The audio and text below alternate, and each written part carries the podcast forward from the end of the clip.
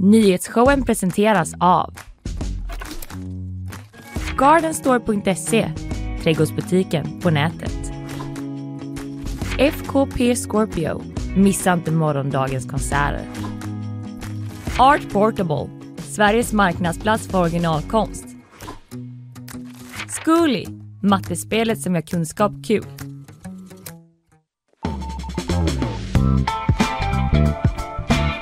God morgon, ny vecka, nya tag. Eh, Linnea Rönnqvist gör sitt bästa för att starta igång den här veckan. Ja, jag vet inte vad, vad som typ bara så.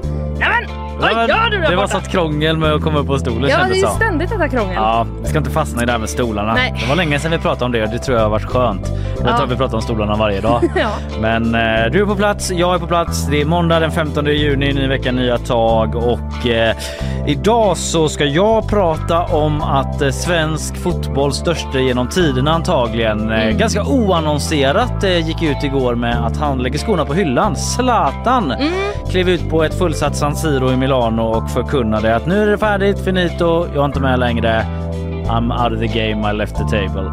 Ungefär så. Det ska vi prata mer om. Eh, liten eh, minirapport också från eh, festivalen. Kungen snackade ju igår Mhm. ute på, i Frihamnen. Ja, ja, ja. Mm. Och du har någonting helt annat. Ja, men precis. Jag kommer att prata om den femåriga pojken som igår meddelade Sahlgrenska att han dog efter den här olyckan i ett hisschakt i Johanneberg. Mm. Vi kommer, jag kommer berätta lite vad vi vet där. Och eh, sen ska jag också prata lite om att Göteborgs stad får kritik från IVO. Ja, De är bra på att ge just det. kritik, IVO. Ja, det är väl det de sysslar jobb. med. Ja. Mm. De Ehm, utreder. Blir det kritik eller inte? Exakt. Ibland blir det det. Ibland nu blir har det det kritik. blivit det. Mm. Nu har det blivit det. Det handlar om eh, då att eh, personalen inom äldreomsorgen i Göteborg är för dåliga på svenska. Se där ja, mm. det får du berätta mer om sen. Vi kommer också få en eh, gäst idag. Filip Lyrheden är det som kommer hit och vi ska snacka om Tramadol, HCC och om de nya drogvanorna hos unga som oroar polisen. Sen blir det bakvagn. Eh, Sveriges största legobygge någonsin eh, är under eh, är pågående, är under Ja. uppbyggnad. Och så någon sorts eh, annat byggprojekt i Mölndal eh, på eh, något som kallas för Papyrusområdet Ja. som rör upp känslor hos dig. Ja, det kan man säga. Jag förstår nästan ingenting men det är nog jag som ska prata om det och du får se vad du har att säga. Ja, absolut. Vi märker det. Du, jag eh, ska berätta lite om att kossor nu ska få testa osynliga stängsel. Mm, wow, Det framtiden. känns svårt tycker jag. att, Framtiden eh, är samtiden. Ja, det är den verkligen. Och sen om en eh, ganska unik reningsritual i Peterskyrkan efter en nakenaktion. Så där ja. Oj, oj, oj. Framtiden är samtiden. Mm. Quote Kalleberg eller? Är den, är den stark? Kommer, kommer det gå runt nu i din hjärna resten av Ja, sändningen? jag kände att det var att det, um, det hade någonting. Ja, Har någon sagt det innan? Eller? Jag skulle precis säga att jo men det, det var väl inte så dumt men jag tror kanske att någon har men jag vet inte, jag kan inte komma på någon på rak arm. För Sverige i tiden. Det var ju kungens eh, valspråk. Eller Exakt. är väl kungens valspråk va? Ja, det är Ja, plikten framför allt. Gamla kungens gamla valspråk. kungen. Mm. Eh, varför pratar jag om det då? Jo för att eh, det, kungen var ju i stan igår. Han var ju det. Ute i Frihamnen och höll tal. Ja. Har du varit där ute något i helgen på eh, jubileumsfestivalen? Nej jag har inte det. Jag har evakuerat och varit på möhippa i Krans kommun hela helgen. Så att, där, eh, ja. ja. Det är där du trivs alls. bäst va? I Krans kommun? Oh ja. Ja. Eh, nära, nära staden vill jag bo. Men trivs bäst i Jag började också genast. Ja, tänka på den såklart. Ja, ja. Eh, Jag, har faktiskt, förlåt, jag har faktiskt inte heller varit eh, där ute inte passat riktigt men det är ju många som har det. Eh, man kan se ett jäkla bildspel på gp.se från Mm. allt som har skett. Det var ju First Aid Kit igår. Såg du några som la upp stories på Instagram från det?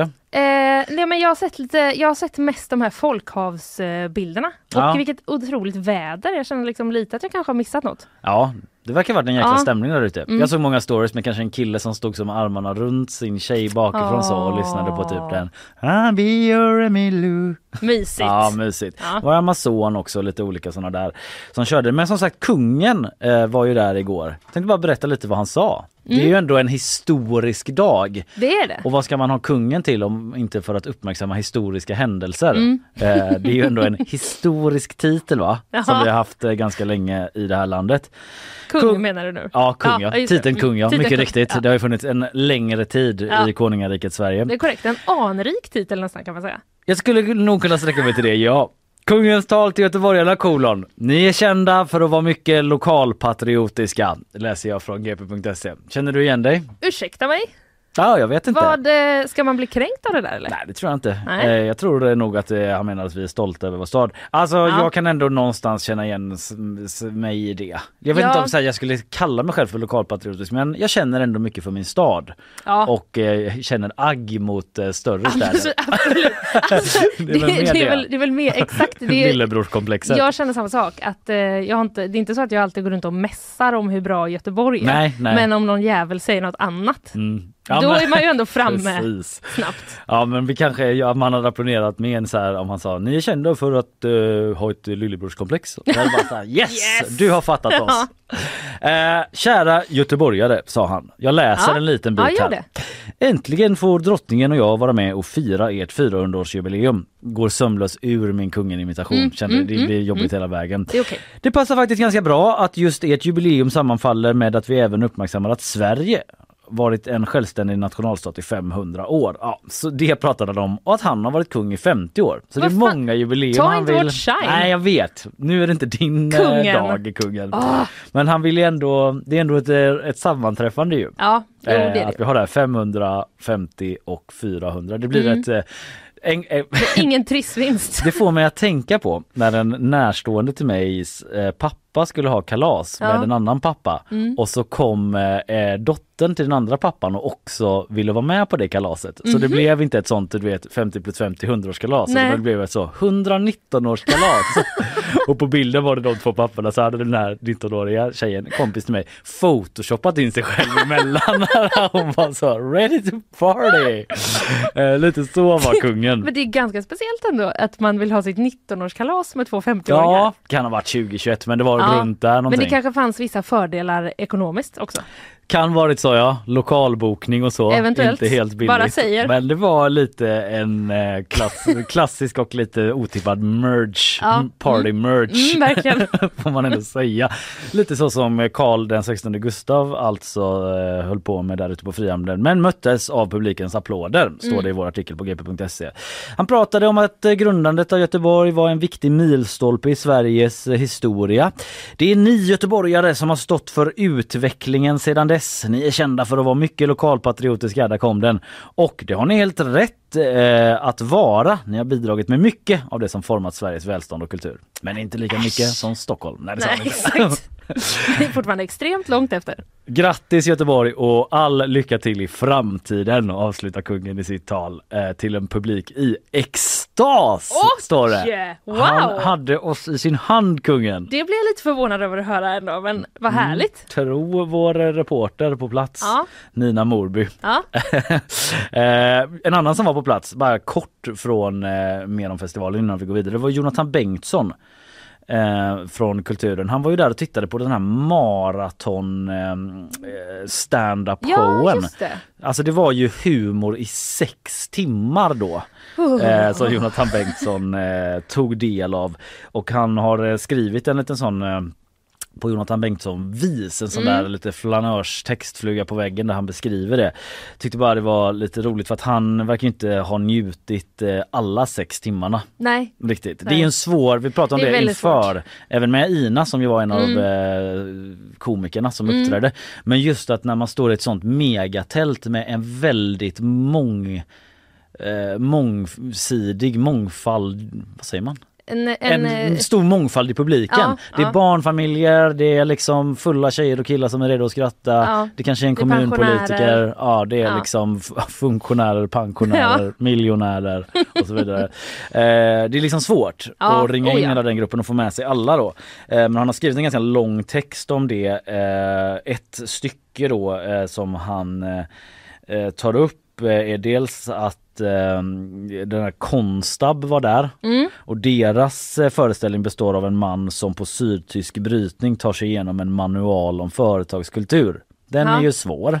Det kan vara svårt. Men det skiter alla de killarna i Konstab i kan Ja. jag tänka mig. Eh, sen så beskriver han det så här, det var det jag ville komma till att eh, Henrik Schyffert då var en av komikerna. Då skriver han Henrik Schyffert drar ett uselt skämt om gamla människor på kalas och min frontallob håller på att förvandlas till homos. Oj. Samtidigt tycks mina skinkmuskler ge efter. Jag känner mig flat som en polarkaka över röven. Så eh, en liten sammanfattning av det. Sen var det en del grejer som var bra också. Men eh, ja, det är mycket på gång och det är inte slut ännu. Nej! Festivalen kuskar vidare. Ja, Eller kuskar vidare, den är kvar på samma plats. det är korrekt. Det där tältet flyttar man inte hur lätt som helst.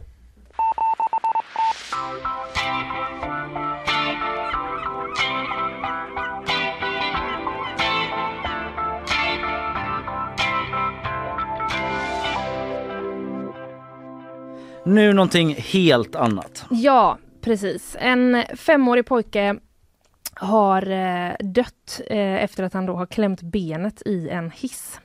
Och sedan under räddningsarbetet så ramlade han ner i hisschakret.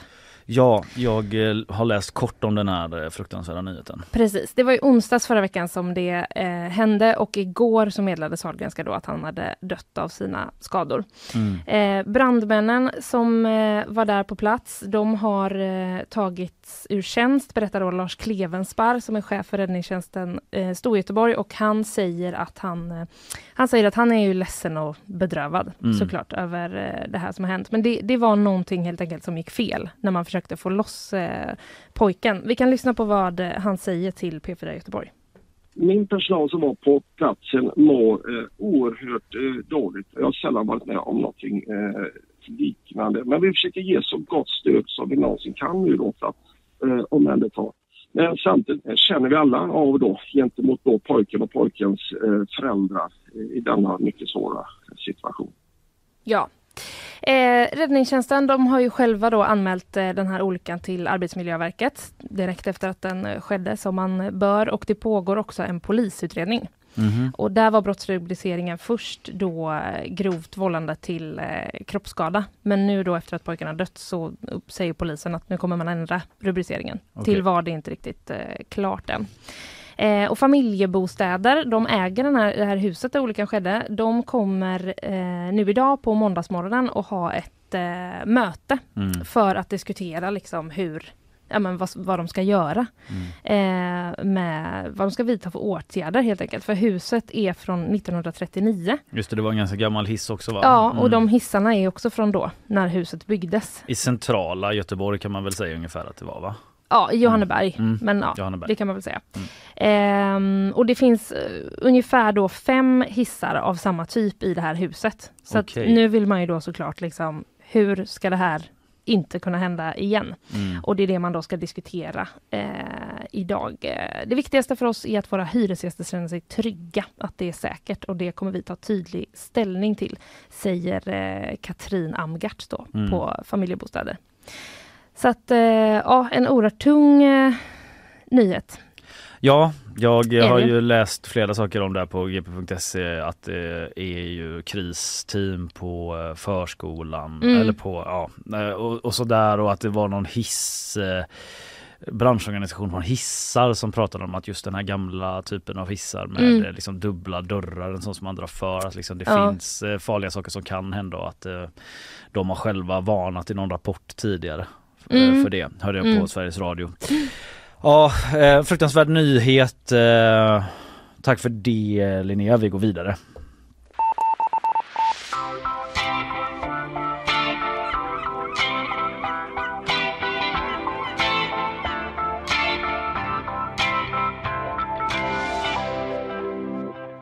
Om en liten stund då så ska vi byta ämne helt och jag ska prata om Zlatan Ibrahimovic. Just det. Var det lite chockartat besked? Ja men eller? lite chockartat även Ja. fast han är 41 år och har varit jätteskadad det senaste och sådär men eh, det kom ändå som någon sorts blixt från en relativt eh, klar himmel att Mm. eh, det blev just igår. Mm. Vi ska lyssna på ganska mycket ljud därifrån. Bra. Det Mycket bra. var eh, gåshud på många sätt. Men först lyssnar vi på en annan sak som ger mig gåshud, våra sponsorer. Nyhetsshowen presenteras av Gardenstore.se, trädgårdsbutiken på nätet. FKP Scorpio, missa inte morgondagens konserter. Art Portable, Sveriges marknadsplats för originalkonst. Zcooly, mattespelet som gör kunskap kul.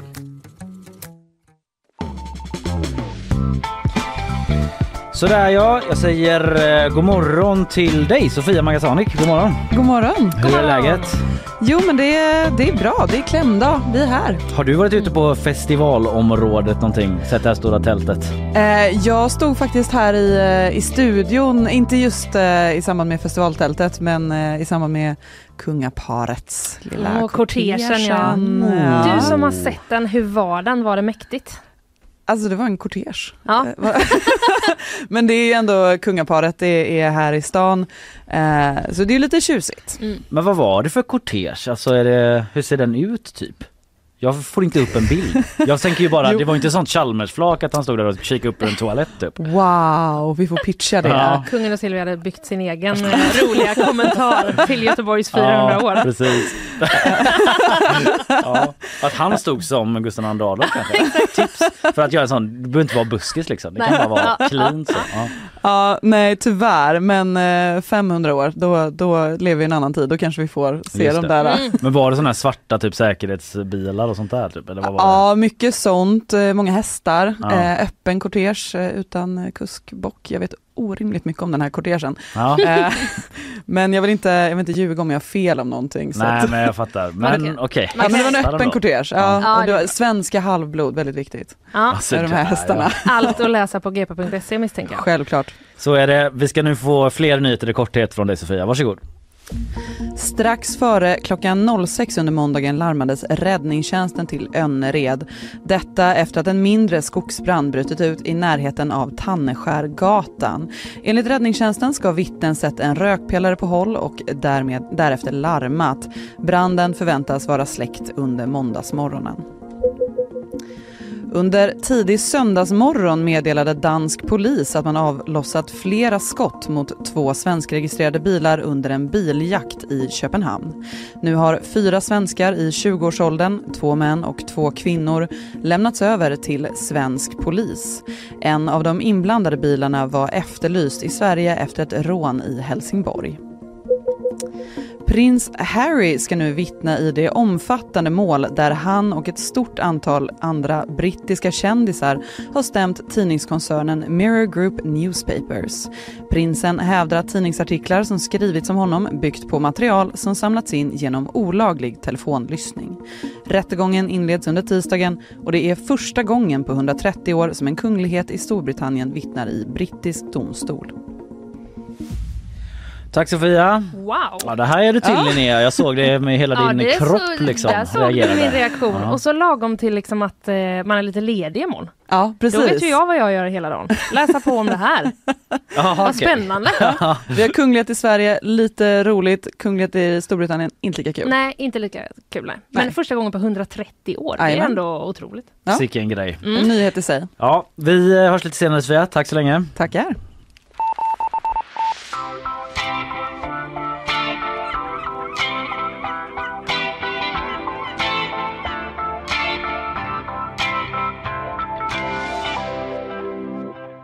Den störste Linnea, Ja. den störste lägger av. Finito, adjö, hej då till fotbollen sa Zlatan Ibrahimovic igår inför ett fullsatt San Siro i Milano.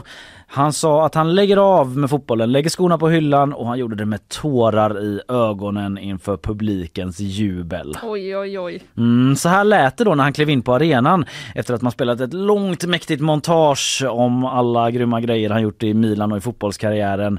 Eh, eh, Milan då, klubben där han är legend och alltså nu avslutar sin karriär.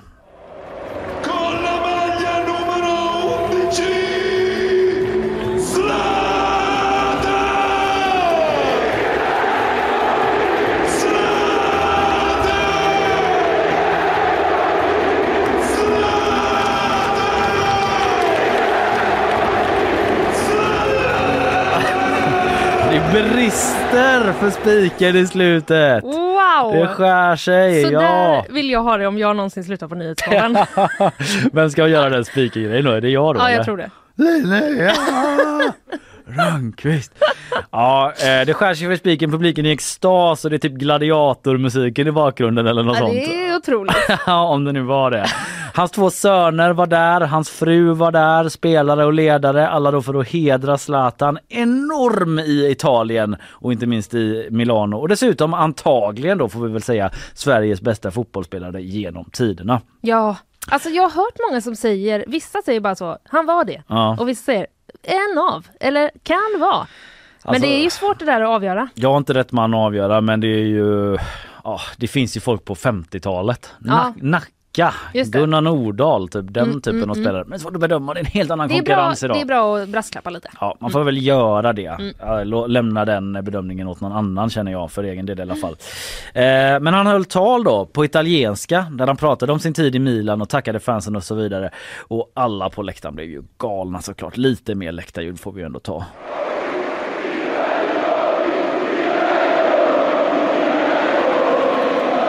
Ibrahimovic, Hur många- Ibrahimovic. Ja, hur många är de ungefär på den här läktaren? Vet man det?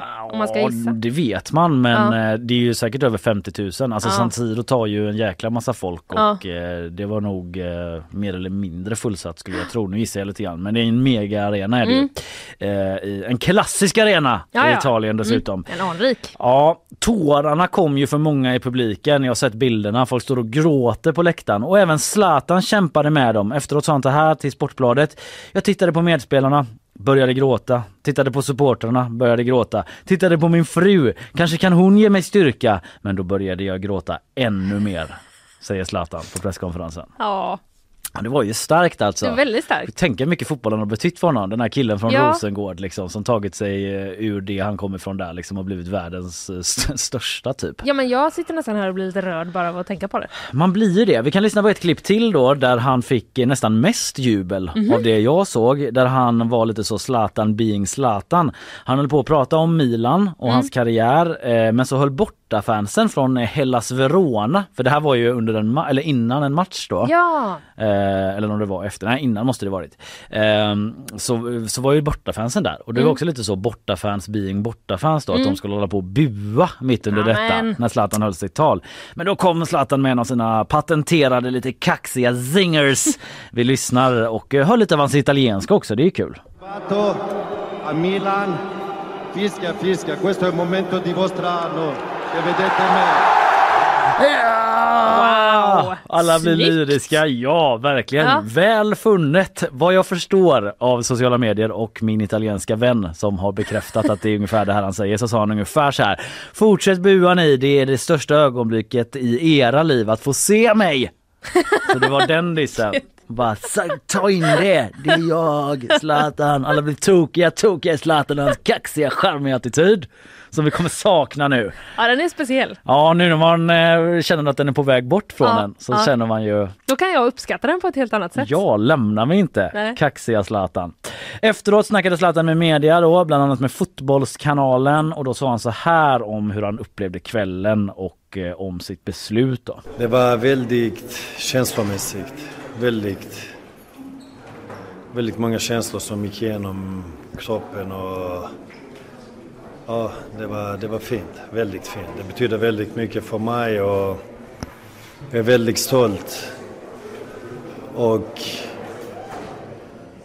och jag accepterar för det, för det som väntar och det beslutet jag tagit. Ja, han pratar ju om att han liksom accepterar det här. Mm. Ja. Jag tycker det fanns något lite starkt i det för det, han har ju hållit på nu, han är 41 år gammal och han har ju på ett närmast mirakulöst sätt lyckats hålla sig kvar på toppnivå trots att det är ju ganska gammalt för en Ja, det fotbollsspelare. får man väl ändå säga. Ja, och han har ju liksom hållit på med sin, eh, sina kampsporter och liksom eh, yoga och sånt tror jag. Så att han har liksom lyckats hålla kroppen i den fysiska fitnessen som krävs för att vara där uppe och liksom Ja. leverera ändå. Men nu måste han bara acceptera att nu går det inte längre. Mm. Det måste vara ett sånt jäkla mentalt kliv tänker jag. Ja, ja, ja, verkligen. Men det tänker jag med alla som håller på med sport, Ja. liksom. även Zlatan såklart. Men just det där att så här, ja, jag vill jättegärna fortsätta eh, massa mer, men jag har trasat sönder hela mina ben. Mm. Ja, ja visst. Ja, men det är ju också ett erkänt eh, svårighet för Ja. idrottare som aldrig får tillbaka de kickarna heller. Nej. Att stå inför så många människor. Han pratade om att han kommer sakna att göra mål till exempel. Och då Ja. såg man, alltså jag tyckte mig verkligen se det att han, att han kunde rent reflexmässigt inte hålla sig från att le när han sa ordet mål. Ja. Och nu kommer han aldrig göra mål igen Nej. på eh, en, en tävlingsarena liksom inför så mycket publik. Och det, det var som ett hugg i magen vad för mig jobbigt. nästan. Ja. Ja. ja, men det var starkt. Eh, Det har ju varit eh, lite så eh, rykten innan detta om att han skulle byta klubb till Monza, en annan italiensk eh, klubb då. Att han kanske skulle spela där, men nu blev det ju inte så. Och Zlatan sa så här om hemlighetsmakeriet, vi ska lyssna på det kring beskedet. För det var en reporter, jag tror det var från Aftonbladet, lite osäker där, men som pratade om att han ändå inte hade dementerat de ryktena och varit så här, skojar du lite med oss då liksom? Och Mm. Visste du det här? Men ja, han pratade, så, han sa så här om sitt beslut då. Saken är att ingen visste om det här beslutet så därför kunde jag inte förklara det på ett eller annat sätt utan jag ville att alla skulle veta det på en och samma gång för det är mitt beslut och ingen skulle kunna gå runt och säga jag visste eller det här kommer att hända. Inte Mm. ens min familj visste, säger han. Oj! Ja, de måste ju veta det innan han klev ut eh, på plan där. Ja, det måste givetvis, I och med att de själva stod på plan. Exakt. Familjen. Och Vad gör vi här? Jag vet inte ens hur jag hamnade här. Så bortförda. Jag vet ingenting. Nej. Men också, eh, den, också den som hade satt ihop det här, det här bildspelet tänker jag. Ja, jo, några logistiskt Mm. ansvariga personer Mm, måste känt till mm. det. Men eh, väldigt sent in på då Mm. antar jag att han inte ville att det skulle ryktas och bli massa snack då. Från och med imorgon är jag en fri man sa han Ja, också. det också. Hade ju också någonting. Ja. Eh, ja, vi eh, kan lyssna lite till då. Han sa så här till Fotbollskanalen om eh, vad som eh, väntar. Första tiden väntas att tänka tillbaka på allt jag gjort, förstå vad jag har gjort, njuta av det jag gjort och bara liksom suga in allt det och bara låta det gå igenom och bara lägga till ett leende på det hela. Ja. Gud. Sen väntar choklad, glass, chips, Ja. sovmorgon. Fan, undrar om han går loss på den eh, godiståget liksom. Jag hade gjort det, jag bara Ja. säger det. Jo, jo, det är klart. Men han kanske har bara, han är ju fortfarande någon sorts träningsnarkoman antar Ja, eller Han hur? kanske inte pallar med det. Men jag kan också tänka mig just det här att han inte har eh, hunnit verkligen njuta Ja. och typ ta in allt som han har Ja, åstadkommit. ja, verkligen. Alltså även om han har haft sommaruppehåll och Mm. sådär eller ja, eh, att eh, fotbollsspelare är så jävla fokuserade Mm. på uppgiften hela Mm. tiden och bara på att ta nästa kliv och att hålla sig i form och sådär. Exakt, man kan inte släppa allt bara för att man är ledig någon vecka. Nej, eller hur? Eh, men eh, ja, vilken jäkla karriär han har ändå. Jag ska liksom inte göra den stora Zlatan-krönikan här. Det kan andra göra bättre. Men det är ju någonstans ändå, det är ju Sveriges bästa genom tiderna. Man Mm. måste nog ändå säga det. Jag sa Ja. att jag lämnade det åt andra, men nu säger jag det Ja, du säger det. jag tar Bra, det ändå. gör det bara. Känner att... eh, Inspireras av Zlatan lite och bara säg vad du... Ja, lite kaxigare Ja. så. Har du några särskilda Zlatan-minnen Linnea? Ja, ett oerhört speciellt. Jaha. Eh, från när han var med i Grynet. Kommer du ihåg det eller? Eh, inte, ja, jag kommer ju ihåg Grynet ja. Ja, alltså ja. tv-programmet absolut. Nej men där var ju, eh, där fick ju Grynet dejta Zlatan. Ja, På jag alltså någon typ lite. arena i Malmö. Jaha. Och eh, han var så gullig. Ja. Han var så gullig så jag blev nästan lite kär. Det hade man velat spela nu ju. Ja. Det ljudet. Vi kan se om vi kan ordna det till Ja, bakvagnen. vi kan ordna lite senare. Ja men det var också ett fint minne av Zlatan. För Mm. mig är väl det största när han klackar in 1-1 mot Italien då. Ja förlåt jag bara drabbades av att min, min var så här. Jag blev lite kär i honom för han var så snygg och din var ju sportslig såklart. Ja, det nej men var- absolut. Det var Ja. också att ditt minne handlade lite mer om så här Best of Grynet. Ditt favorit-tv-program när du var liten typ.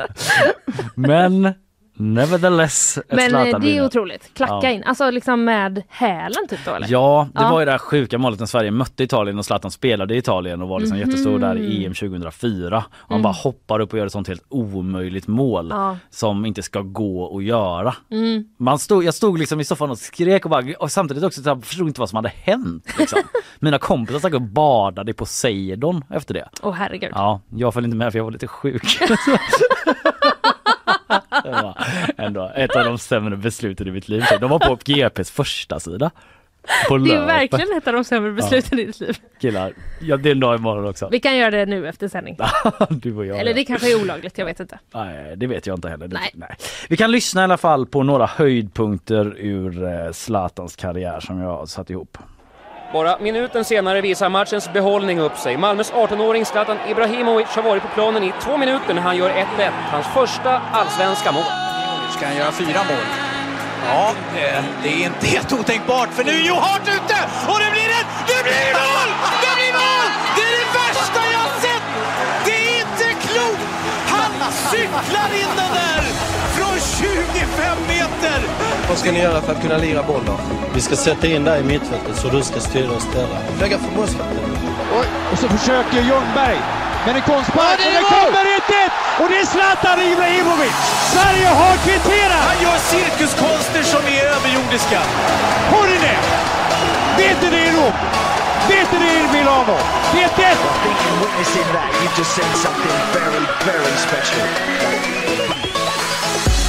Ja, bara ett litet Oj, oj, oj, oj, oj. axplock. Känslor! Ja, eller hur? Du känner dem? Ja, ja, oh ja. De kommer på en och samma gång. Ja, det gör de.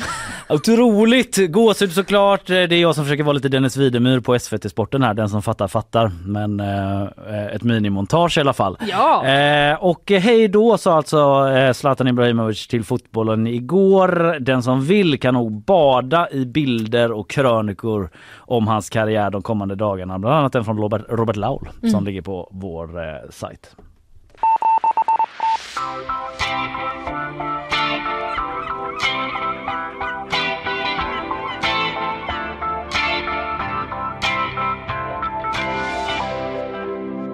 Men nu något som ligger dig väldigt varmt om hjärtat.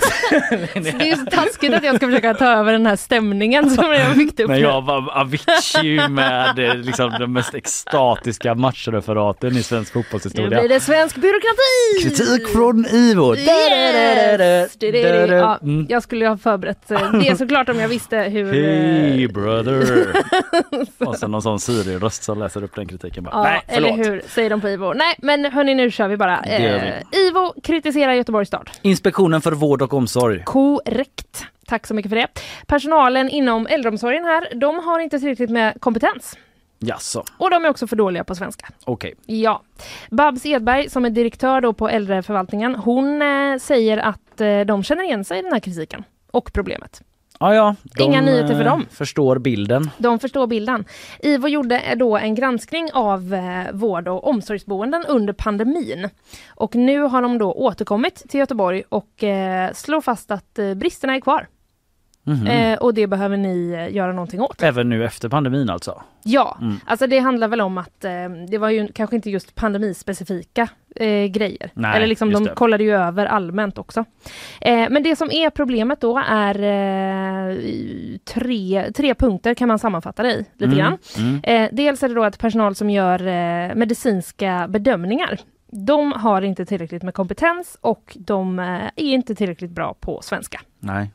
Och sen är det då att eh, bristande, det här liksom bristande förmåga att kommunicera som det ju kan bli om man inte är eh, Om man inte talar samma språk. Precis, exakt. På.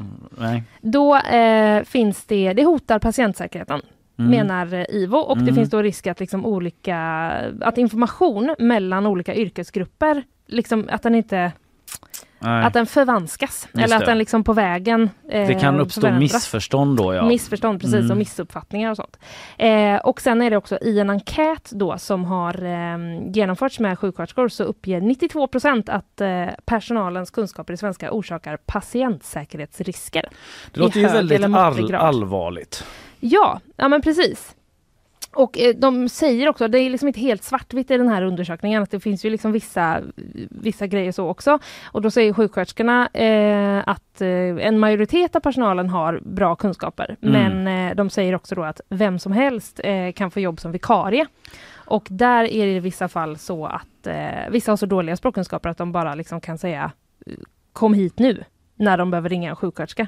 Mhm. för att den sjuksköterskan behöver liksom komma och titta på någonting eller sådär. De kan inte berätta i förväg vad det handlar om. Nej. Bara kom. Ja. Nej, precis. Det är klart när det är pressat, brist på personal, Ja, Mm. exakt. då kan situationer uppstå. Ja men precis. Eh, och det här är ju då inga nyheter för eh, Babs Edberg som jag nämnde, förvaltningschefen. Eh, och hon påpekar också då i eh, vår artikel på gp.se att eh, det är många andra kommuner som också har fått samma kritik. Okej. Så att det är inget unikt för eh, Göteborg. Eh, men det har, ju varit, det har ju varit en fråga länge i Göteborgspolitiken eh, det här och vissa partier har velat införa språkkrav för Mm. nyanställningar i Mm. äldreomsorgen. Och nu har faktiskt de rödgröna då eh, kommit överens om att man ska införa det.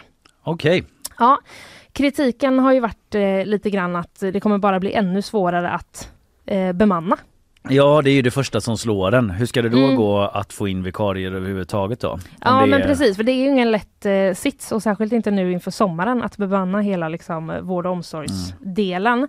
Men eh, då tycker ju andra att vi kan inte liksom eh, ha att vi inte kan kommunicera bara för att det är svårt att Nej, anställa. det är ju såklart. Den biten också va? Det är den biten också. Det är inte Som enkelt, man får hålla i huvudet eh, samtidigt. Men nu är det alltså då så att eh, nu ska man införa språktest när man Mm. anställer ny personal och även personal som redan är anställd ska kunna få liksom ja, men, eh, svenska utbildning.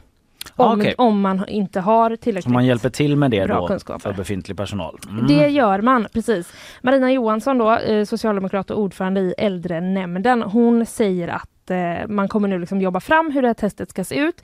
Men sannolikt kommer det då bli både någon slags muntlig och skriftlig del Okej. inför det. Så att kritik har vi fått.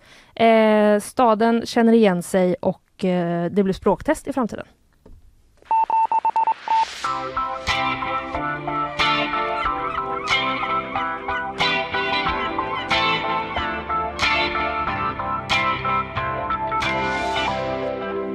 Vi får besök av en kollega här alldeles strax. Eh, Filip eh, Lyrheden kommer hit. Eh, Det är ju så att dagens unga dricker mindre och knarkar inte mer i alla fall än förr. Nähä?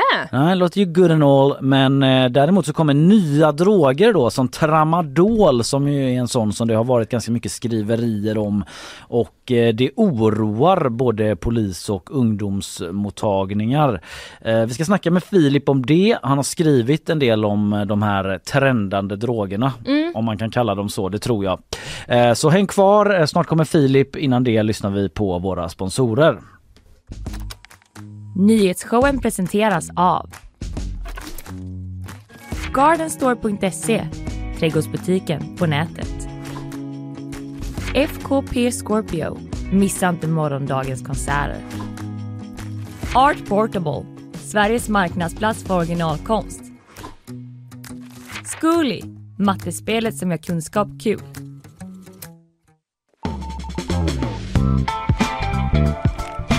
Häng kvar! eh, Om en liten stund så kommer Filip Lyrheden hit till nyhetsshowen. Vår eh, kollega, reporter här på GP. Vi ska snacka om de nya drogerna bland unga som oroar polis och eh, ungdomsmottagningar. Häng kvar!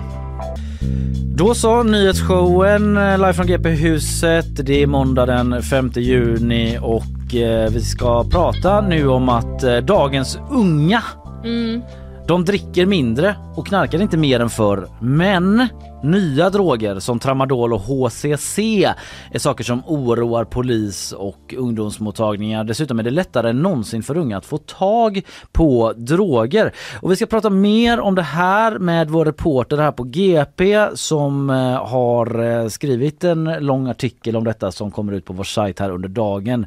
Eh, välkommen hit och god morgon Filip Lyrheden. Tack, god morgon. Du, eh, hur kommer det sig att eh, du började titta på det här överhuvudtaget?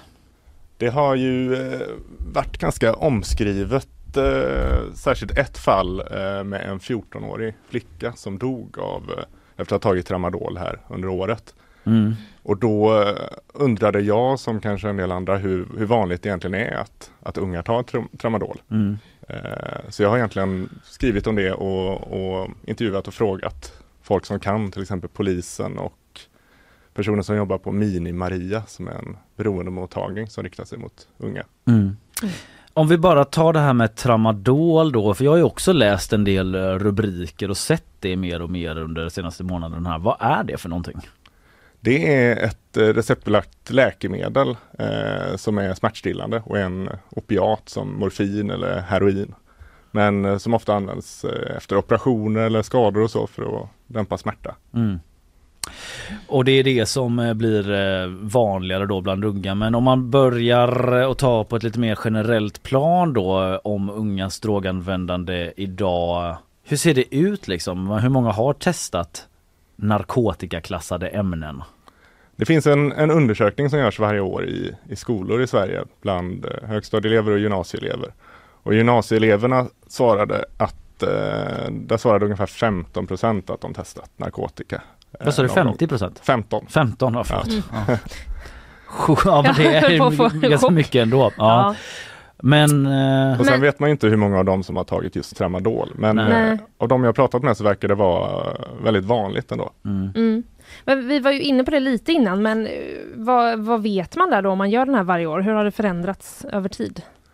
Eh, som du sa innan så dricker ungdomar mindre nu än för 20 år sedan. Och eh, man sniffar eller boffar mindre än någonsin, alltså andas in så här gaser från sprayflaskor och sånt. Mm. Mm. Eh, och knarka gör ungdomar ungefär lika mycket som de senaste 20 åren. Det här med boffning har man ju fått bilden av att det skulle vara vanligare. Det har varit en del nyhetsartiklar om det i alla fall som... eh, Mm.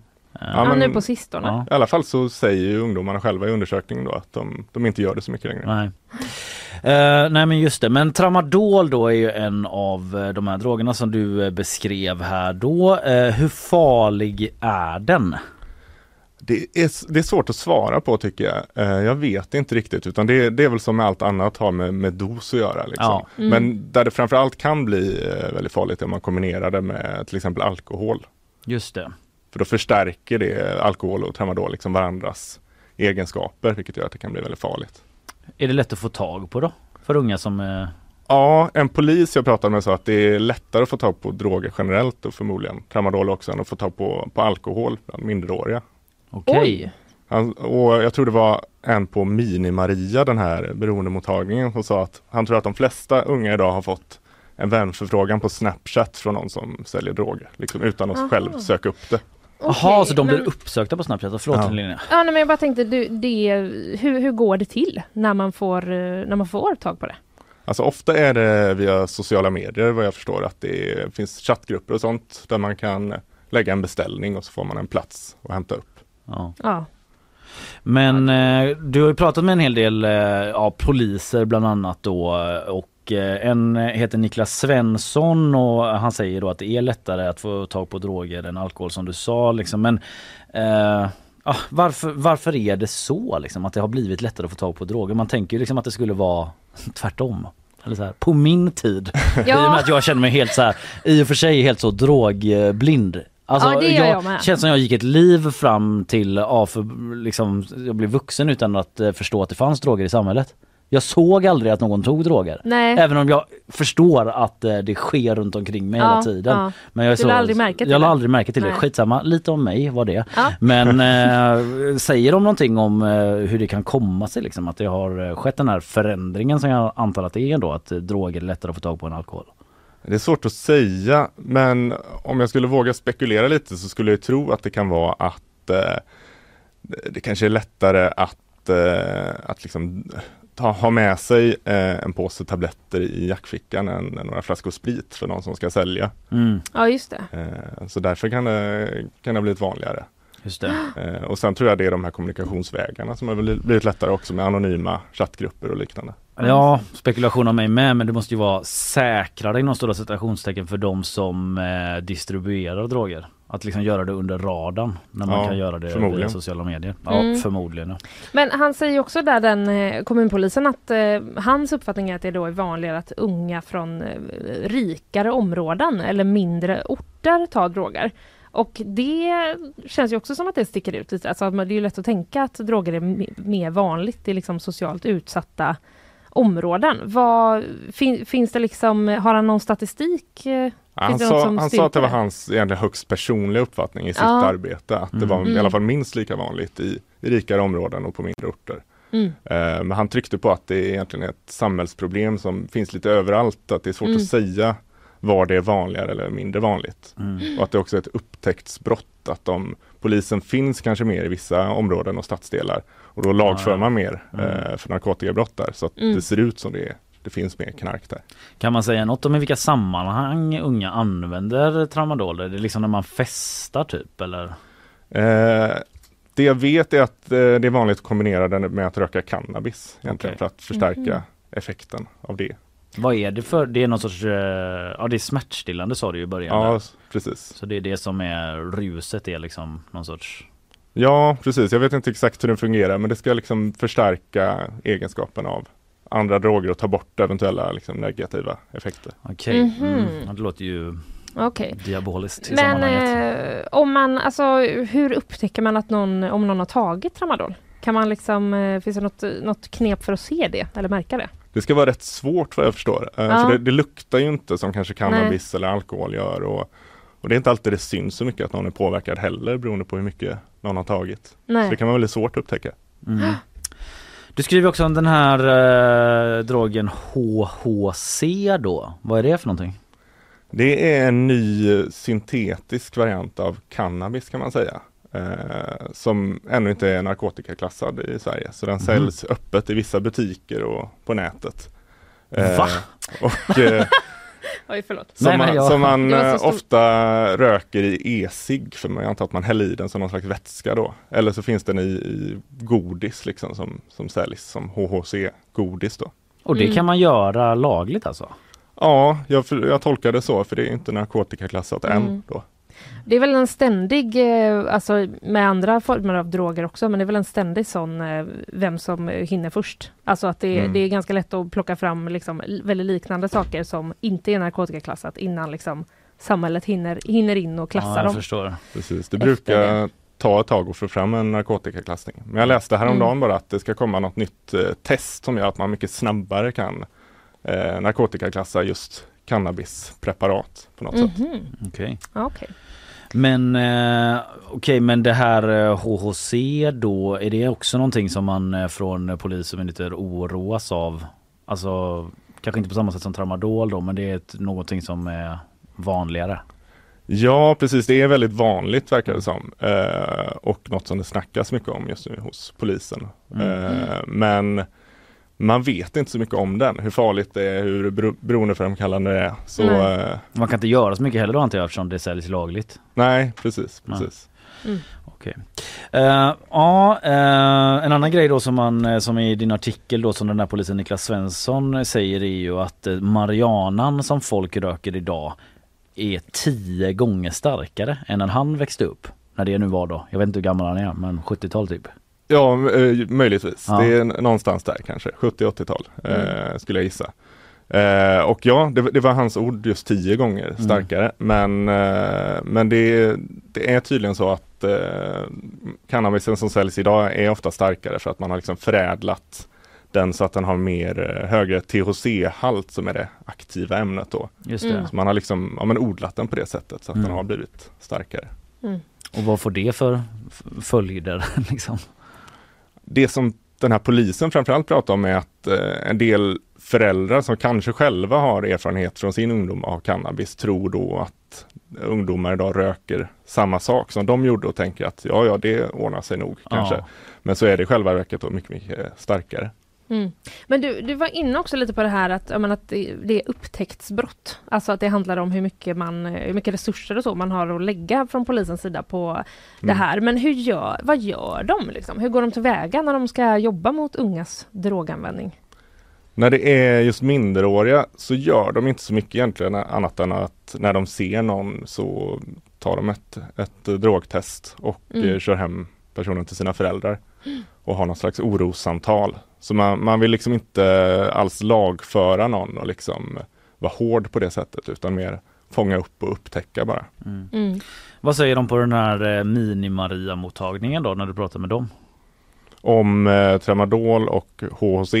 De, de säger att bland de som de träffar, vilket då är ungdomar och anhöriga som är oroliga eller har problem med, med droger och alkohol. Det är ungdomar under 18 år liksom som vi Upp snackar till om. 21 Upp tar till de 21, eh, okej. emot Mm. och deras anhöriga. Mm. Eh, då en tredjedel ungefär sa han av de de träffar idag har eh, tagit tramadol. Mm. Så det är väldigt vanligt där. Och HHC är väl något de oroar sig för men kanske inte ser så mycket vad jag förstod än eh, konsekvenserna av. Nej. Men när de träffar ungdomar då som berättar att de har tagit tramadol, vad är liksom vad gör man då? Typ informera dem om eh, att det är farligt eller så varför ja, varför, hur hamnar de där och vad gör man när de hamnar där? Kanske svår fråga, jag vet inte. Ja, det, det, är svårt för mig att svara på. Det, det är ju liksom eh, till för samtal framförallt vad jag mm. förstår och eh, socionomer och sånt som jobbar där. Men, eh, men det de berättade bland annat var att just tramadol kan det gå väldigt långt innan, innan det upptäcks och de hamnar där och då kan de ha blivit ganska beroende för att det går att liksom ta det ganska länge innan det blir problem ibland. Mm. Mm. Om, ja, ja, förlåt. Nej men eh, om man misstänker då att någon i ens närhet till exempel om man lyssnar på det här då och bara blir typ orolig. Eh, finns det någonstans man kan vända sig då? Som ja. anhörig och man kan eh, bland annat vända sig då till Mini-Maria i Göteborg som ja. är den här mottagningen som eh, finansieras och drivs av Göteborgs stad i samarbete med Sahlgrenska. Mm. Det säger alltså Filip Lyrheden då, reporter på GP som skrivit om detta. En eh, text som kommer upp eh, på vår sajt idag va? Ja, ja men det ska det göra. Ja. Du Filip, eh, tusen tack för att du kom hit eh, idag. Tack.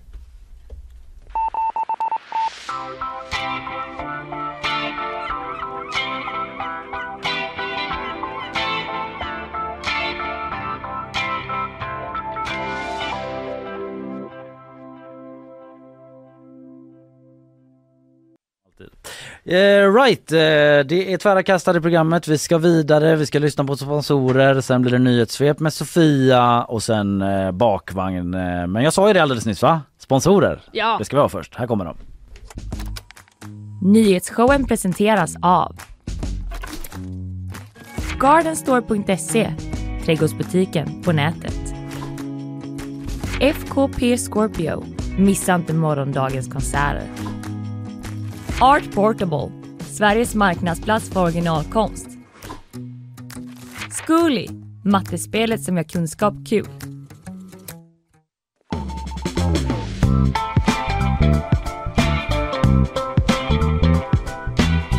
Ja, vi ska in i den berömda bakvagnen om en stund. Jag ska snacka yeah. lite legobyggen. Det slås rekord eventuellt. Mm, mm. Ja, här blir det lite kossor med osynliga staket. Ja, just det. Framtiden, vad var det jag sa? Framtiden är samtiden. Hör av er om ni tyckte det var fem, eh, fem fyrar. Är det någon som kan korsstygnsbrodera det? Ja, framtiden är samtiden. Tycker du Sofia Mangasani att det låter som att jag är först med den sägningen eller känner du liksom igen det?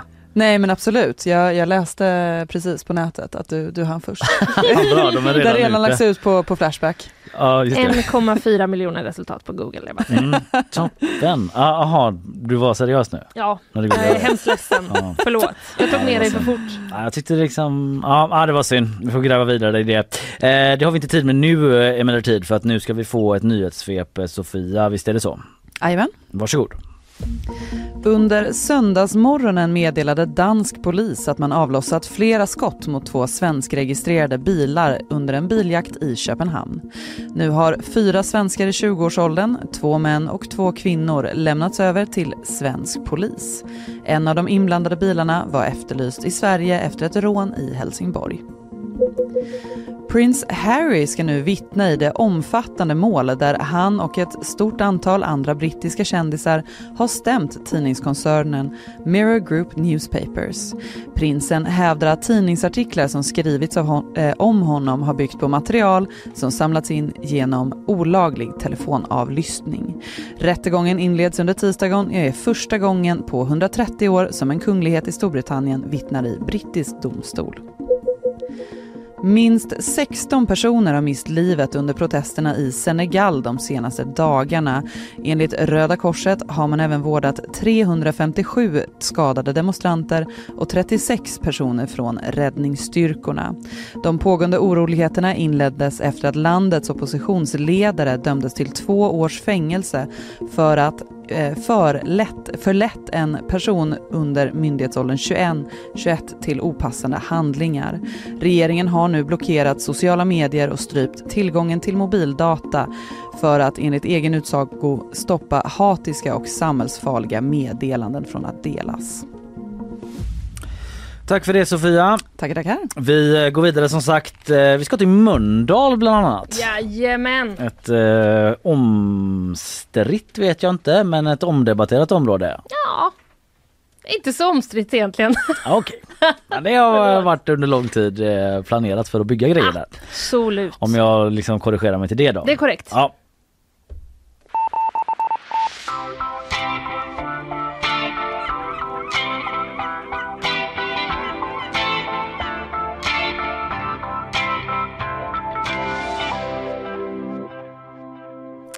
Eh, du, eh, Grynet träffar Zlatan. Ja. Jag tycker bara att vi måste känna lite hur eh, stämningen var. Men hemskt gärna. Ja. Eh, vi pratade om det förut när jag snackade om att det var Zlatans eh, stora farväl igår då. Det var Precis. ditt största Zlatan-minne när Grynet intervjuade honom. Exakt. På, jag tror att det kanske är så Malmö, Malmö Malmö stadion, Malmö stadion, hette ja. den väl förr i alla Ja, fall. exakt. Han är så jävla snygg här också, Zlatan. Så, nu när jag bara såg bilden så kände jag bara, det är inte konstigt. Nej. Nej. 18 år. Eh, eh, ja, vad fan. Vad säger Vad berättar hur gammal han var? Det blev, nu blev det inte alls konstigt. Nu lyssnar vi bara lite. Ska vi se om vi får igång det. Ska du få här? Sitter de på en Jag skulle filt? läsa en dikt för dig som jag har skrivit. Var väldigt lågt. Ja. För liksom alla vet att jag är kär i dig. Är det så? Alla vet det. Typ såhär, alla mina kompisar allihopa, de bara såhär, åh jag ska träffa Zlatan, du är typ kär i han. Ja. det är jag. Ja, och så läser hon en dikt i alla fall eh, för honom. De sitter liksom mitt ute på fotbollsplanen på en Ja. filt eh, med, som är rosa och fluffig och eh, läser det såklart. Jag vill också bara säga, hur gammal var Grynet här då? Ja, jag Ja. vet inte, 30 kanske. Oklart. Eh, men eh, Fan så vad det bra. Grynet är. Det är alltså så karaktär, är det bra. liksom Sveriges eh, en av Sveriges liksom tryggaste karaktär. Alltså hon är så jävla bekväm i Ja. rollen som Grynet och Ja. typ de intervjuerna som hon gör som Grynet Ja. eh, får ju ut någonting helt annat ändå. De är, de är eh, en stor inspiration.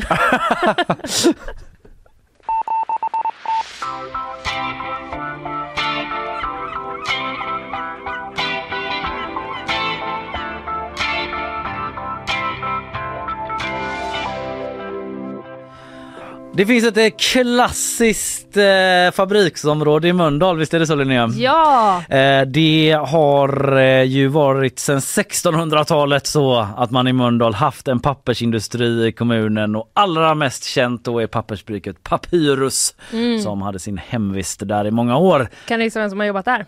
Eh, Linnea Rönnqvist, Min pappa. din pappa. Såklart. Fanns det, eller ja, är det nedlagt sedan ett tag? Det är Nej, det. 2009 gick pappersbruket i konkurs Mm. ja.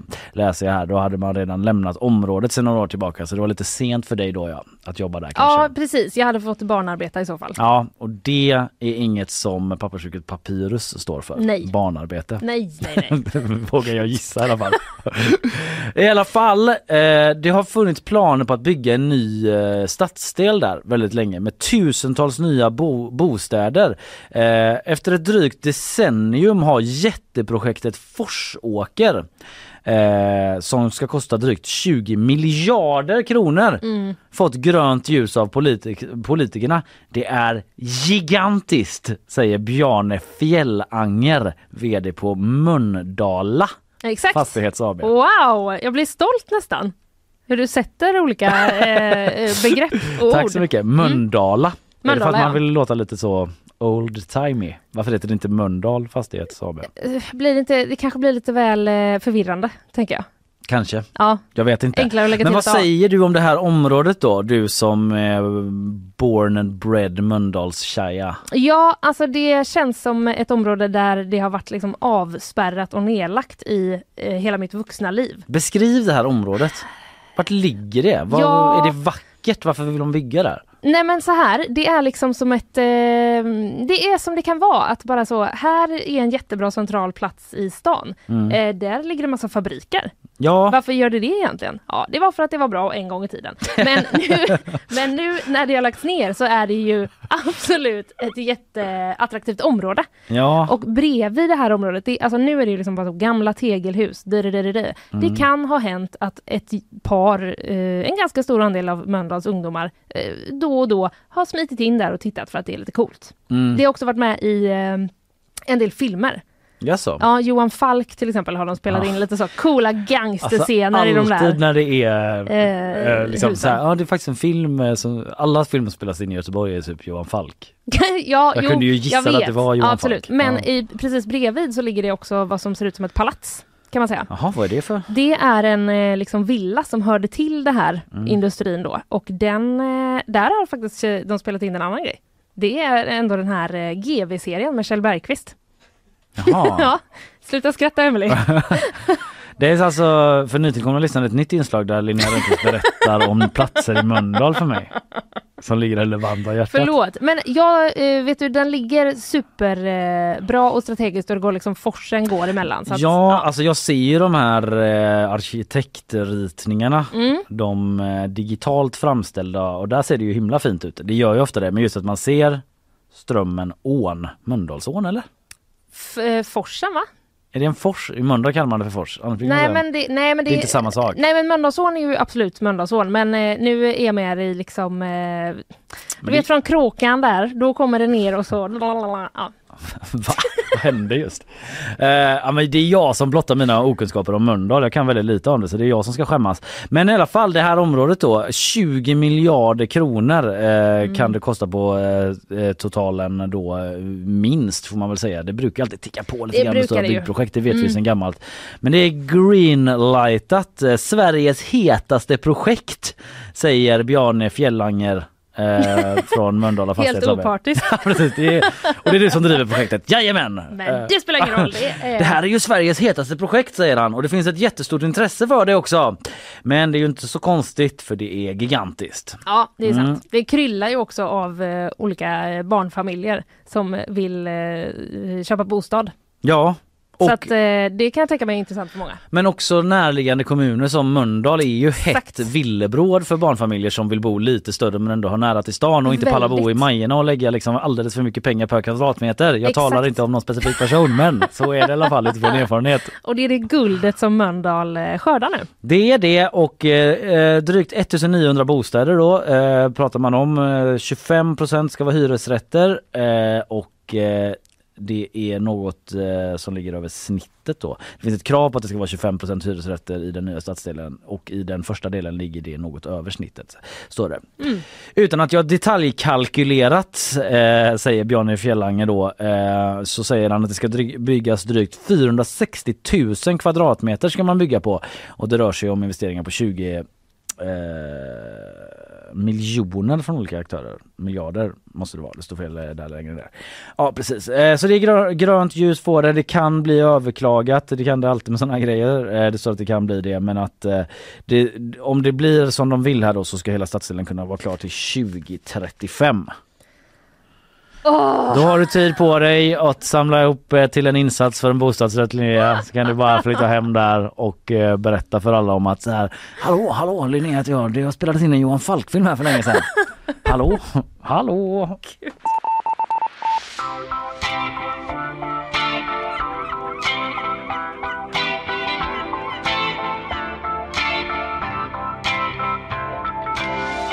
har tydligen var lite inspirerat av det gamla pappersbruket också i hur man ska bygga då. Ja men precis, det har varit lite så. Vi behåller den gamla stilen. Mm. Gamla möter den nya. Den gamla debatten om arkitektur i gamla Göteborg. goa grejen. Precis. Du, nu ska vi byta ämne helt och Ja. eh, prata om eh, kossor. Mm.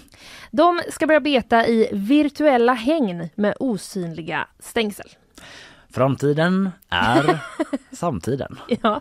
Det var någon bok av Antje Jackelén som hette Exakt. Framtiden i, sam Ja. i samtiden. Ja, just det. Det är inte samma riktigt. Lite annan Mitt har eh, another va, ring eller? to it. Ja. Mm. Ja. No, nog om det. Nog om det. Eh, du, den här nya För tekniken... nu. Just. Förlåt. Om fem minuter är vi tillbaka igen i, i eh, detta. Okej, men jag kämpar på. Håll utkik på Instagram eh, där jag kommer kanske spinna på detta lite efter sändning. Mm. Ja, i andra kan avfölja och sen följa igen. Slutet av dagen. Ja, muta bara. på något sätt. Ja. Nej men eh, du, den här tekniken ska underlätta för bönder. Ja, Mm. Antar att man måste ju kanske inte slå ner stolpar då. Det är ju ganska stor skillnad. Men just det, för att virtuella hängn, kan du förklara lite Virtuella grann? hängn, Vad absolut. betyder det? ska också, bara vill jag tisa med först, ha positiva effekt, eh, effekter för den biologiska mångfalden Mm. och djurvälfärden. Som om det inte var bra nog. Alltså jag fick en bild av att eh, korna skulle stå med sådana Jag med! VR-glasögon. Jag Ah, med! Det var bild. exakt så jag såg Så det. att de bara går på någon sorts rullband Exakt. typ och så runt där. Att de ser en grön ägg och så är det kanske, nej usch vad hemskt. Ja, men då Ja. måste de ju ändå kunna be. Det hade varit svårt. Det är inte, det, så det är inte så det ska gå till. Nej, Nej. eh, Mm. det är sju kvigor eh, som får testa detta först på en gård i norra Uppland. De har fått speciella halsband som är uppkopplade då mot GPS och telenätet och så kan eh, lantbrukaren då styra de här via en app i sin mobiltelefon. Så när de går över, när kossorna går över gränsen, eh, då eh, skickar halsbanden en ljudsignal. Mm. Rent fysiskt alltså. Ja, Inte socialt. nej. Ett pärlhalsband. Då skickar det en signal om att nu är du utanför här. Okej men när de går... Gud vad eh, roligt om en har ett pärlhalsband och en har typ en sån choker. Ja just det, att och de har någon, olika. någon har en hajtand. Alltså, ja. Ja, eh, nej men då, då skickar de här halsbanden en ljudsignal som successivt ökar i frekvens. Mm. Ungefär så kanske. Ja, Mm. det lät ju som en ko lite nästan också. Ett och då ska, men då ska de bli skräckslagna för att det blir för högt? Ja, backar då ska de liksom Mm. fatta det och om de återvänder då så stängs ljudet av. Men om de fortsätter, eh, läser jag här, så får de en elstöt tydligen. Okej. Också från sitt eh, halsband. Men då är det en liten högtalare på halsbandet då? Ja, det det måste det alltså? vara. Mm. Mm, det är eh, forskare då på RISE eh, som ligger väl här i stan höll jag på att säga. Svenska, eh, Sveriges forskningsinstitut i alla fall. Mm. Så? Eh, som har tagit fram detta och eh, Lotten Wahlund då hon säger att eh, genom att flytta de virtuella gränserna kan man styra djuren att beta där man vill eller där det behövs som mest. Mm. Så att det är lite mer liksom eh, För då kan man, eh, precis, man kan ändra betesmarken precis, utan att ja. slå ner nya stolpar. Exakt, ja. eller gå och öppna olika eh, grejer eller eh, så. Men den har tydligen testats den här tekniken på andra djur då, men det är första gången på nötkreatur. Och eh, den ska då liksom, eh, ja men som jag nämnde på, det blir lättare för lantbrukaren, det blir större biologisk eh, mångfald och sen så kan, kan det också bli liksom förbättra djurvälfärden. Eh, Genom då att man kan övervaka deras rörelsemönster och eh, beteenden. Så kan, de, så kan ju liksom lantbrukaren märka då i sin telefon att här är en kossa som inte har rört sig på eh, sex timmar. Det, måste, det är nog något som inte kanske står helt rätt till med den. Ja just det. Men också vad sjukt att ha en app där du kan se var dina kossor går hela tiden. Ja. Man är ju Rosa där och hänger med Maja. Sluta titta var kossorna går nu. Klas-Göran. Åh, det är så mycket eh, next Vi är level att kolla beroende av den där appen. Eller Ja, hur? precis. att man bara, när man, när man ligger och ska sova, ligger man och bara titta, titta, titta. Ja. Fruktansvärd stereotyp eh, i, eh, gestaltning av en bonde från 1800-talet för mig då. Mm. Ja, eh, precis. Men... Eh, Men hur blir det med biologisk mångfald då? Är det för att de liksom, man inte betar sönder bara på ett ställe? ja, då? men Att det är väl liksom, det. Att man liksom Är sprider det de här ut det. ängarna som det talas om så mycket nu? Att man vill ha sådana vild naturängar här och var? Ja, det vet jag inte riktigt om det. För då betar ju eh, kossorna ner dem i så fall. Ja just det. Men det är väl i alla fall det att de är på lite olika ställen och säkert också då att kossorna ju bajsar kan jag tänka mig. På Ah, ja, ja, eh, ja, många olika ställen och det är bra för eh, Men det här med elstötarna då? Ja, Är det helt eh, Mm. fine och lugnt? vi på eh, GP då har pratat med, eh, eller ska vi säga så att jag inte ljuger, det är TT som har skrivit Ja. artikeln. Eh, men TT har pratat då med eh, djurskydds, eh, eller pratat med, de har kollat djurskyddsförordningen. Mhm. Och det är faktiskt förbjudet att använda då utrustningar som ger djur en stöt i liksom syfte att för, styra deras beteende. Okej, så då är det förbjudet det här då? Ja, men det här är då, eh, det har väl fått någon slags tillstånd för liksom forskningssyfte. Ja. Och sen har Jordbruksverket, eh, eh, läser jag här, eh, sagt att man vill ha mer kunskap om då hur det här påverkar Mm. djuren innan man liksom godkänner den för allmänt eh, bruk. Och eh, forskaren då, Lotta Wahlund, hon säger att man har påbörjat eh, analyser av eh, beteendet och de här eh, stressnivåerna och att man kommer presentera det mer i höst. Mm. Men de preliminära är positiva. Vi ser Mhm. hittills inga skillnader i stressnivåerna i djurens hårkortisol jämfört med djur som betar i fysiska hägn. Det är ju faktiskt väldigt intressant. Det är det, Det men- måste ju vara helt revolutionerande för folk som bönder med kor. Ja, ja, ja, ja verkligen. Men jag tänker också bara att eh, hur, hur ska den här kon fatta hur den ska göra för att få slut på ljudet? Det tycker jag känns svårt. Ja, ja men det är väl den där stegringen då att den intuitivt förstår Ja, att här blir det just det. jobbigt och så tillbaka. Ja. Just det, nu tänkte jag Nu är jag åter- ju ingen forskare Alltså, nu tänkte eh, jag återigen att de hade VR-glasögon. Och så Ja, tänkte jag, men då, då där, ja. ser den inte. Du vet om den ska backa så fattar den inte åt vilket håll den ska backa. Men den Nej. har ju inte det. Så. Det är ju där du har en felaktig bild av eh, vad det som ska ske. Jag kom, det är korrekt, det är helt korrekt. Jag kommer med spänning att Ja. eh, följa den här forskningen. De här sju kvigorna då Ja, som är exakt. med i ett forskningsexperiment. Det är som ett någon slags reality-serie Ja. som de har sökt till. Och en är lite mer surfer. Det är som, som du sa där med hajtandshalsbandet. Exakt. En är lite 90-talstjej med, Mm. med eh, choker och de här. Pärlor. bara, Ni ska få vara med i ett fors- jättespännande forskningsprojekt. Jaha vad kul, vad går det ut på då? Ja det är att ni ska få beta typ ganska fritt men ni kommer få elstötar också. nu? Elstötar? Ja.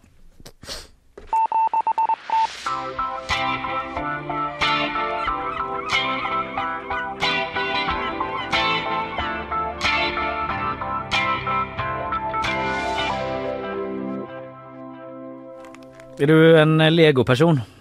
Eh, ja, lite grann.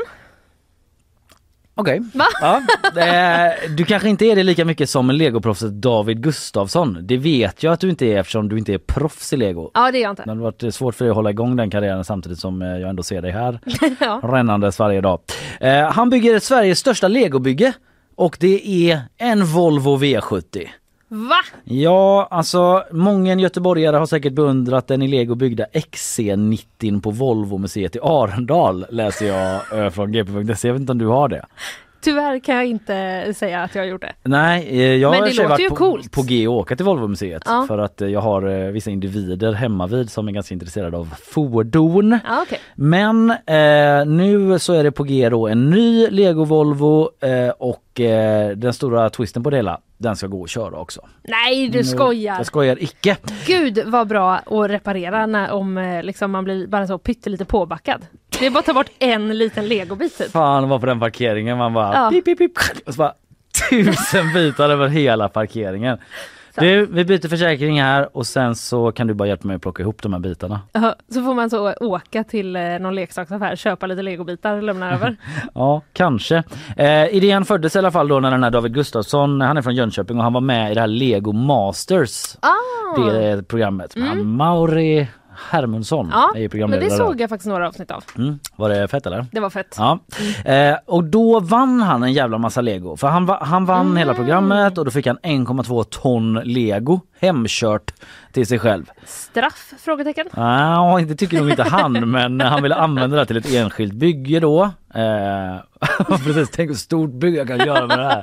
1,2. Men jag fattar. Eh, och, eh, Det är det kul klart. att ha ett Det intresse känner jag. Ja. Helt genuint. Ja. Eh, en sån här chans får man inte många gånger i livet. Säger han typ ordagrant. För man får ju inte den chansen så många gånger i livet. Oj, det var bra. Det var Ja. Eh, och valde då att göra en bil för att han är intresserad av bilar och eh, han berättar då att eh, V70 eh, han hade en sån bil när han vann då. Det var hans första bil. Eh, och det var mycket lättare att bygga en bil om man kan ta och mäta typ så. Att han kunde utgå från sin egen då. Just det. Eh, och eh, nu har han hållit på i ungefär två och ett halvt år att bygga på den här Volvon. Mm. Och ehm, jobbet tar ibland lite mer tid så det blir, eh, då blir den lidande, alltså hans vanliga jobb. just det. Som är professionell legobyggare och driver egna föret Bricks, br- företaget Brickscale AB. Så han jobbar ändå med lego då men han har väl olika projekt antar jag. Ja, det är klart. Och eh, nu så, eh, ja, så, hoppas han att han ska kunna göra lite mer i sommar då när han har lite, lite mindre av de här andra liksom, jobben som han håller på med. Ska du med till stranden? Nej, nej, nej, nej, nej. Jag ska sitta i mitt garage. Men sen när den är klar kan vi ta min bil för den ska kunna köra. Det är ganska komplicerat just att den ska kunna köra Ja. för det är vissa grejer som man kanske inte tänker på som gör eh, ja, men, eh, att man stöter på utmaningar då. Till exempel så måste man placera ut gångjärnen typ eh, på rätt sätt, alltså gångjärn eh, för att dölja karossgap och liknande Mhm. säger han.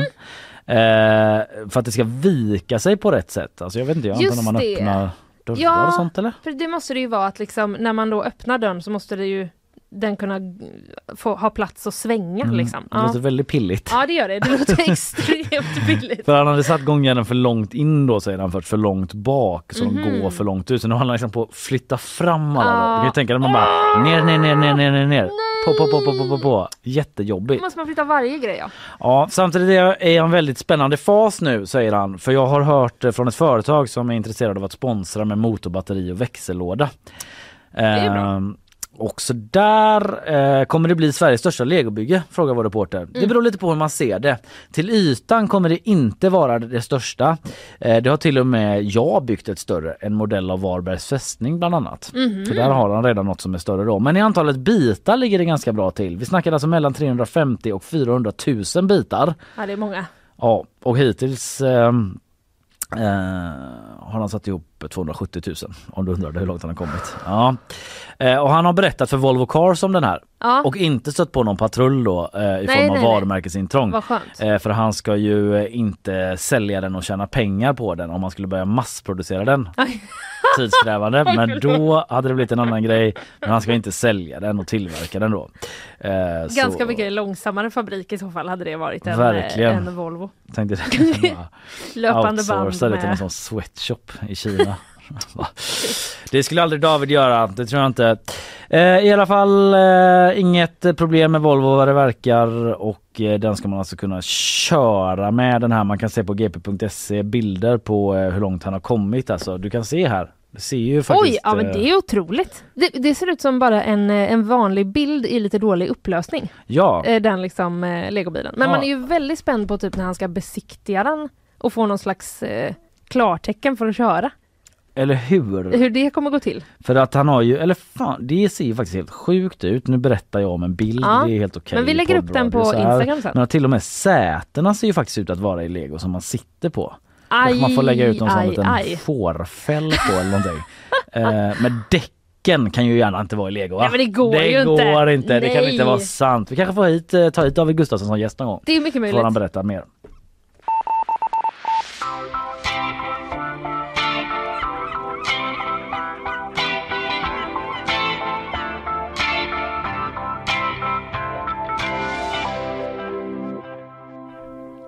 Hallå hallå!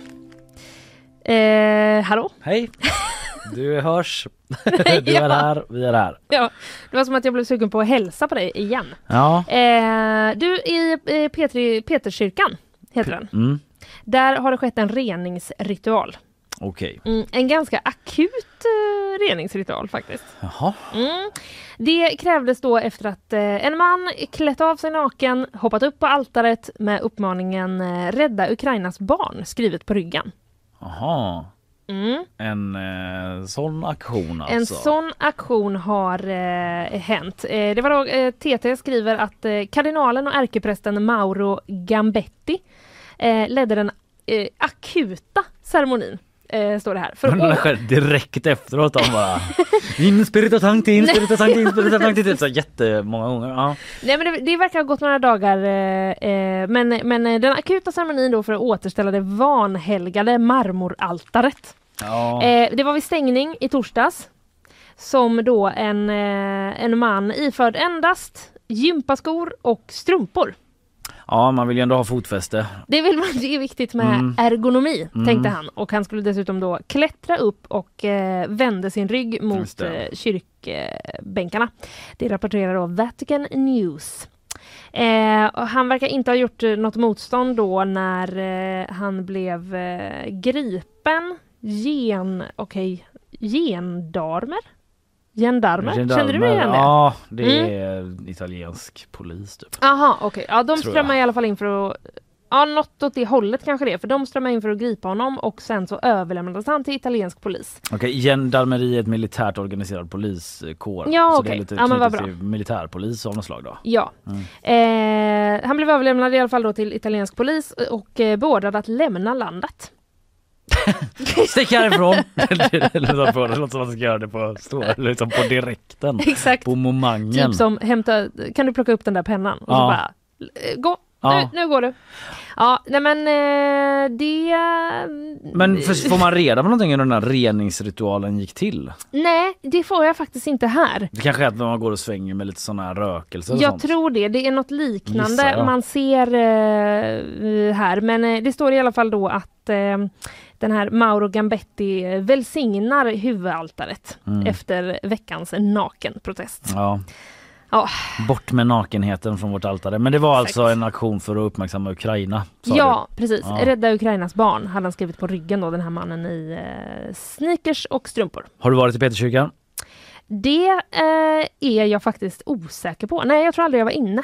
Nej, jag var det när vi var där. Jag vet Ja. inte riktigt vad jag ska säga om det men det är en jävla mäktig plats ändå. Det måste vara en cool känsla att stå naken på altaret. Det, han, måste ha varit, på något sätt.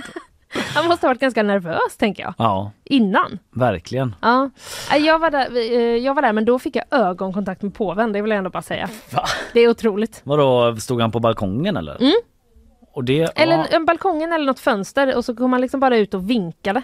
Och så har vi eh, hemma i min familj då som inte är religiös på egentligen något sätt alls. Nej. Men eh, då eh, fångade min eh, kära pappa med sin nyinköpta systemkamera en, eh, ett foto på påven när han tittar liksom rakt in i kameran. Okej vad coolt. Men Otroligt. er ögonkontakt, hur liksom, hur länge varade den? Alltså, det kanske en kändes som en sekund- evighet för en dig. sekund men, ja. kanske, men det kändes som en evighet för mig. Och eh, nu har vi den bilden på väggen. Är det förra påven vi snackar då? Eller var det Franciscus? Nej, Franciscus. Det? Mm, okej. Mm. Ja det var Skryt. vad man får reda på du.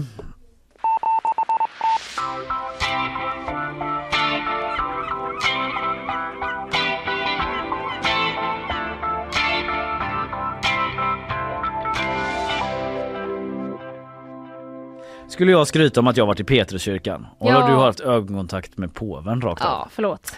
Eh, Jag har ju haft kontakt med Gud. Jag ska bara... Ja, just det. Man bräcker det igen. det. Men det kan du få. Det kan jag ta. Mm. Nej, jag har inte så mycket mer att säga idag egentligen. Eh, jag bara läste en rubrik på Omni i helgen som var att Barbie-filmen ledde till brist på rosa färg i världen. Ja, Studsar man ju till på jag ändå. såg också den rubriken. Vad- Ja, men den blev lite förstörd hela nyheten tyckte jag av att det var en viss skarp nyans som användes i produktionen och då tycker jag inte det var lika coolt längre. Nej, det är ju coolare om all rosa i hela världen eh, Ja. på riktigt hade tagit slut. Jag såg också framför mig, du vet att så här, man kunde inte uppfatta färgen rosa längre. Att den hade tagit slut på det sättet. Så är det ju såklart inte. Nej, hur skulle Nej det men gå det till menar går du? ju inte såklart. Nej. Men det var som initial tanke som med VR-glasögonen med kossorna tror jag. Alltså den här filmen, det var mer att det fick mig att tänka på själva filmen. Den har premiär i juli i Jaha, det är så pass långt kvar. Men man har ju känslan av att den redan har kommit. Jag tycker Ja. det har varit så himla mycket i sociala medier om Ja. den filmen. Jag tycker det var mycket för några veckor sedan och nu har det liksom lugnat ner sig. Ja, det var väl någon slags lanseringsperiod där. Det var ju väldigt Ja. mycket memes. Det var Aha, så här, det har jag this missat." Barbie och så la folk in någonting om sig själva. Aha. Ja, det var massa om det i alla fall. Mhm. Var du liksom, hade du Barbies när du var liten? Jag hade inte det. Jag hade två Ja. som jag gillade Ken sådär. och Barbie? Eller Ingen var det? Ken, det var eh, Barbie och Barbie. Feminism? Yes! Redan då. Ja, nej, jag vet inte. På tal om det som jag pratar om nästan varje dag. Eh, franchiseringen och liksom eh, göra film på förlagor i Hollywood. mm. Det gör mig galen givetvis. att den här filmen finns och där hade vi helt fel ljud. Där hade vi ljudet när du blir galen. Ja, just det, kan vi inte ta det igen. Eh, det har kommit, eh, det kommer en ny Barbie-film snart. och så vidare. Ja, ja, vi eh, ska ta och runda av den här showen. Idag har jag pratat om att Zlatan Ibrahimovic eh, lägger skorna på hyllan. Han meddelade det ganska oväntat faktiskt igår kväll när han stod på San Siro. Så eh, hade jag en liten rapport också från kungens tal. Ja. Kungen var ju i Frihamnen igår på festivalen och eh, sa att eh, vi är så duktiga på att vara lokalpatriotiska i Göteborg bland Precis, annat. Mm, och precis. du pratade om helt andra saker. Ja men det gjorde jag. Jag pratade om eh, olyckan där en eh, femårig pojke har dött efter att ha eh, klämt benet i en eh, hiss och han föll sen ner i hisschaktet. Mm, Eh, vi gick här i igenom, Göteborg. Precis. Mm. Eh, vi gick igenom lite vad vi vad vi vet och vad läget är nu och sådär. Och eh, sen så pratade jag också lite om eh, kritik från IVO som Göteborgs stad har fått. Ja. För att personalen på äldreboenden är för dåliga på svenska. Mm. Och lite vad man ska göra och försöka göra åt det. då. Exakt. Ja, det var det som var Filip Lyrheden här också, vår kollega. Han snackade om tramadol och HCC, de här eh, nya trenddrogerna kan man väl säga som blir allt vanligare bland unga enligt polisens erfarenheter och eh, det oroar dem. Ja, Det snackade vi med Filip om. Vi eh, kommer tillbaka imorgon igen. Tyckte du något om det här? lät- nej det Nej, det är fasikens. Det är ju nationaldagen ja, det är nationaldagen. Ska vi säga då att då är vi inte tillbaka men vi är tillbaka på onsdag igen. Det är vi. Men eh, podden från idag den kommer ut efter sändning. Ja. Tack så länge, hej! Hej!